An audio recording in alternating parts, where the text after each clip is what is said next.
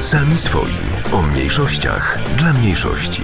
Доброго вечора. На годиннику 22 в етері радіопередачі Самі свої про все, чим живе українська спільнота в Нижній Сілезі. Перед мікрофоном Софія Баянова. Влаштовуйтесь зручніше. Починаємо новою хіп-хоп піснею з ліричним сюжетом під назвою Не забуду від українського реп-гурту Калош.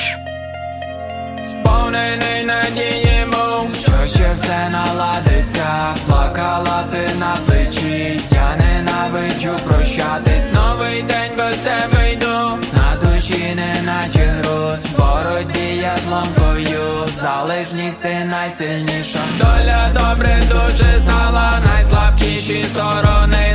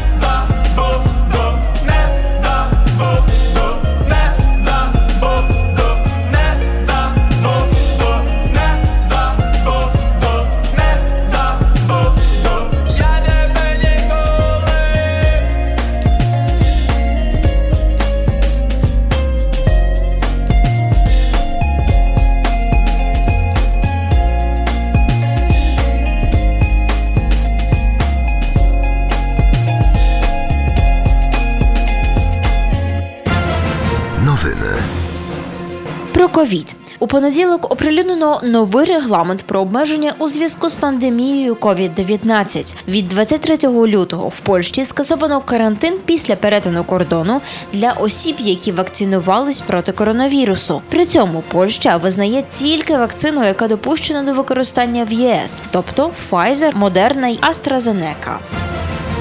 Важливе МЗС України створило онлайн-платформу, через яку можна поскаржитись на будь-які випадки втручання в роботу консульських установ. В тому числі йдеться про пропозиції третіх осіб щодо реєстрації в електронну чергу за гроші. Скарги просять писати оперативно і лише з власного досвіду. Посередників обіцяють переслідувати як за законом Польщі, так і за законодавством України. Українські лікарі зможуть працювати в Польщі без нострифікації. Наприкінці минулого року Сейм проголосував за законопроект про медичні кадри. За новим законом лікарям іноземцям з мінімум трьохлітнім досвідом роботи необхідно мати завірений консулом диплом, підтвердження від роботодавця про готовність працевлаштувати та комунікативне знання польської мови. Спрощення стосується лише лікарів, а не середнього медичного персоналу. Проте лікарі зможуть отримати тільки обмежене право на лікарську діяльність. Таким чином, протягом п'яти років необхідно буде підтвердити диплом за стандартною процедурою або залишити Польщу. Міністр закордонних справ України Дмитро Кулеба подякував Польщі за підтримку Євромайдану. 20 лютого, в день героїв Небесної Сотні, політик написав у Твіттері: Я глибоко вдячний за слова солідарності цього дня. Польща віддавна є союзником та вірним другом України. Ще нещодавно сильні морози приводили до летальних випадків людей у кризі бездомності. З 1 листопада, як повідомляє головна комендатура поліції, зареєстровано 46 смертей унаслідок переохолодження. Саме тому міська влада Вроцлава разом з громадськими організаціями розпочала акцію Стрітбус. Це мікроавтобус, з якого людям, які потребують допомоги, видається гаряча їжа. Щодня від 8 до 11 години вечора Вроцлавський стрітбус вирушає з зупинки на вулиці Сираці. Карпатській. Акція триватиме впродовж декількох місяців аж до червня. Вроцлав посів почесне місце в рейтингу кращих міст для прямих інвестицій. У звіті, опублікованому журналом FDI, столиця Нижньої Сілезії опинилась на 15-му місці в світі, а в категорії малих і середніх міст на першому. За словами мера міста Яцика Сутрика, цей звіт опрацьовується редакцією Financial Times та є одним з найвірогідніших джерел знань для інвесторів, які шукають місце для свого майбутнього бізнесу. Спокушає та тримає. Така вона ніч Артема Півоварова. Послухаймо його перший україномовний трек з 2017 року Моя ніч.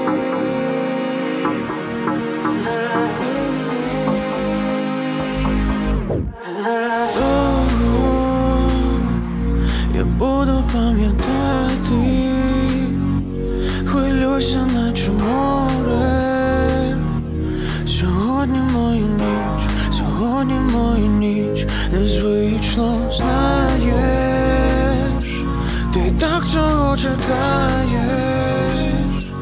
і ранок не впізнаєш. Сьогодні моя ніч, сьогодні моя ніч. Знову ця ніч мене тримає, знову ця ніч нас покушає, все на хвилину замирає. Я точно знаю, що ця ніч моя, знов ця ніч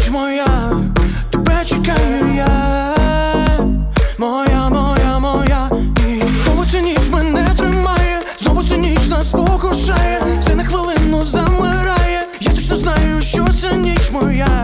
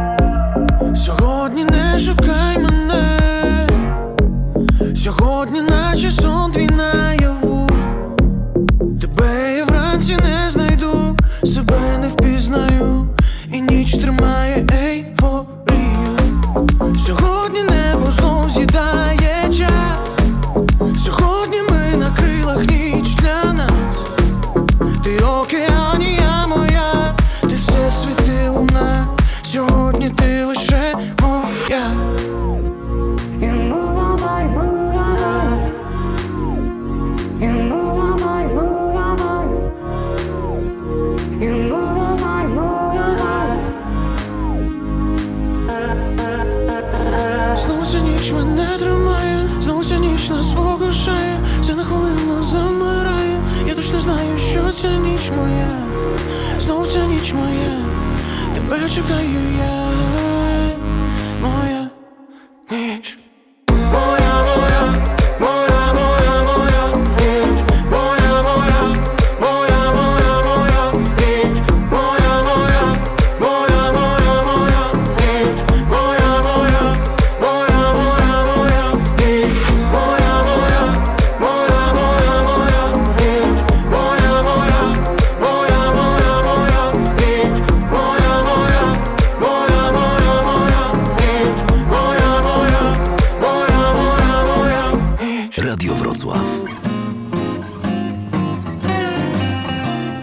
приходом зими у Вроцлаві значно погіршилась якість повітря. Міська влада і екоактивісти закликають користатись міським транспортом. Чим можна їздити у Вроцлаві, розповідає Юлія Дяченко з інституту прав мігрантів. Окрім звичайної міської комунікації, користування трамваями та автобусами, ви можете користуватись також самокатами, можете користуватись автомобілями, які можете взяти в оренду міськими велосипедами. Кажучи про е, стандартний міський транспорт, автобуси і трамваї, які є види квитків. Види квитків бувають різними. Наприклад, може бути одноразовий квиток. Це квиток на всі лінії, яким ви користуєтесь. Тобто він діє на звичайний приміський швидкий нічний транспорт. Від моменту, як ви не тільки купили цей квиток, а також його підтвердили за допомогою валідатора, який влаштований саме у транспортний засіб, і до моменту, поки не вийдете на своїй зупинці. Також наступний вид квитків це квитки на час,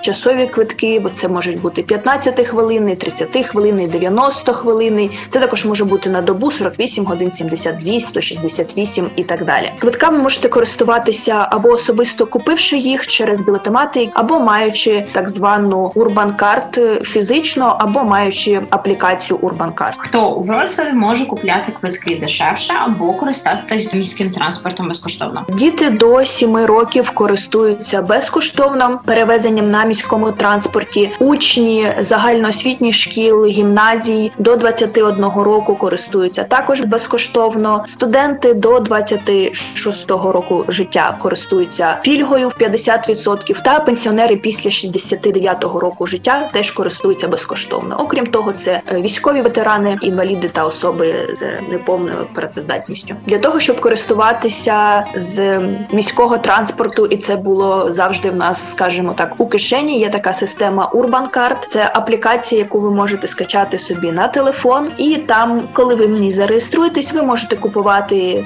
квитки і при перевірці просто показуєте QR-код для контролера. Він його щитує і насолоджуєтесь своєю поїздкою за допомогою додатку наш Вроцлав, коли ви там зареєструєтесь, і найголовніше це ввести свій песель. І від цього ви можете купувати білети набагато дешевше, тому що саме ця програма наш Вроцлав в кооперації з Urban була розроблена для тих, хто живе та працює у Вроцлаві і відповідно сплачує податки. Також ви можете користуватися з безкоштовних входів до аквапарку, до гідропарку, до зоопарку. Кожного разу перевіряйте ці пропозиції, тому що вони змінюються, і відповідно користуватися з таких доступних місцевих програм. Як виглядає навчання людей майбутнього, нейронні мережі, новітні технології та програмування? Цьому вчать у школі Робокод, ідею якої привіз з України до Польщі Дмитро Тищенко. Сьогодні у рубриці особистості познайомимось з ним ближче. Робокод було створено у 2016 році в Києві. Компанія надає освітні послуги в сфері IT. Наша місія готувати людей майбутнє, приготувати наших сучасних дітей до того майбутнього, яке їх чекає. Компанія наразі в Україні є лідером освітніх послуг у сфері робототехніки та яка фокусується на Arduino. У нас загалом більше 80 центрів в Україні, більше 9 тисяч учнів щороку випускаємо. За ці роки ми вже опрацювали більше з 20, ніж 25 тисяч учнів в нашій школі. У нас е, розроблено понад 20 річних програм в різних е, керунках. Це напрямки робототехніка, створення ігор, мови програмування програмування та створення мобільних додатків. Діти в нас в нашому центрі є діти, працюють нас від 16-го року. В 19-му році, отримавши такий фідбек від наших батьків, розуміючи, що наша послуга є дуже необхідною в суспільстві і не тільки в Україні. Ми вирішили відкривати свій філіал в Польщі, і наразі вже ми працюємо в січні. Вже ми відкрили всьому країну. Розкажіть, як виглядає навчання дітей, бо так може видавати, що це дійсно складні речі роботехніки. Насправді робототехніка це найяскравіший приклад, тому що це мультидисциплінарна наука, яка включає собі знання з електроніки, фізики, математики, програмування, англійської мови. Це все комплекс тих знань. Він необхідний для того, щоб мати успіх в робототехніці. Досвіду наших е, дітей ми можемо чітко сказати, що для них це не складно. Вони з задоволенням впитують цікаві знання, тому що робототехніка це є вже той світ інтересів сучасних, який їх цікавить. Ми чудово розуміємо, що зараз змінилось оточення дітей, середовище, в якому вони знаходяться, воно повністю оцифровано. Всі діти зараз в оточенні роботизованих систем, автоматизованих систем. В нашому центрі діти вивчають, починаючи від е, початкових там якихось елементарних знань з робототехніки, з програмування, знайомляться кожен урок з новими сенсорами, датчиками. Дитина на кожному уроку збирає якийсь готовий проект і розуміє, як він працює, де його можна застосувати. Яке майбутнє після закінчення Зараз я б виділив е, найбільшу цінність те, що діти свідомо обирають свій е, шлях в майбутній професії, чи то вони хочуть працювати самостійно, чи будуть е, найманими працівниками, чи створять свій стартап та будуть створювати якісь новітні гаджети, та будуть працювати на професіях, які ще не вигадані. Як вас знайти в інтернеті, як з вами сконтактуватися? Інформацію про наші курси можна знайти по Фейсбуці Центр новітніх технологій Рубокод або на сайті rubocod.pl. В рамках музичної паузи пролунає ще одна пісня про кохання. Послухаймо трек поруч у виконанні гурту Казка та співака Алексєєв. Спитаю в небо, що чекає нас. Чи будеш поруч, коли пройде час?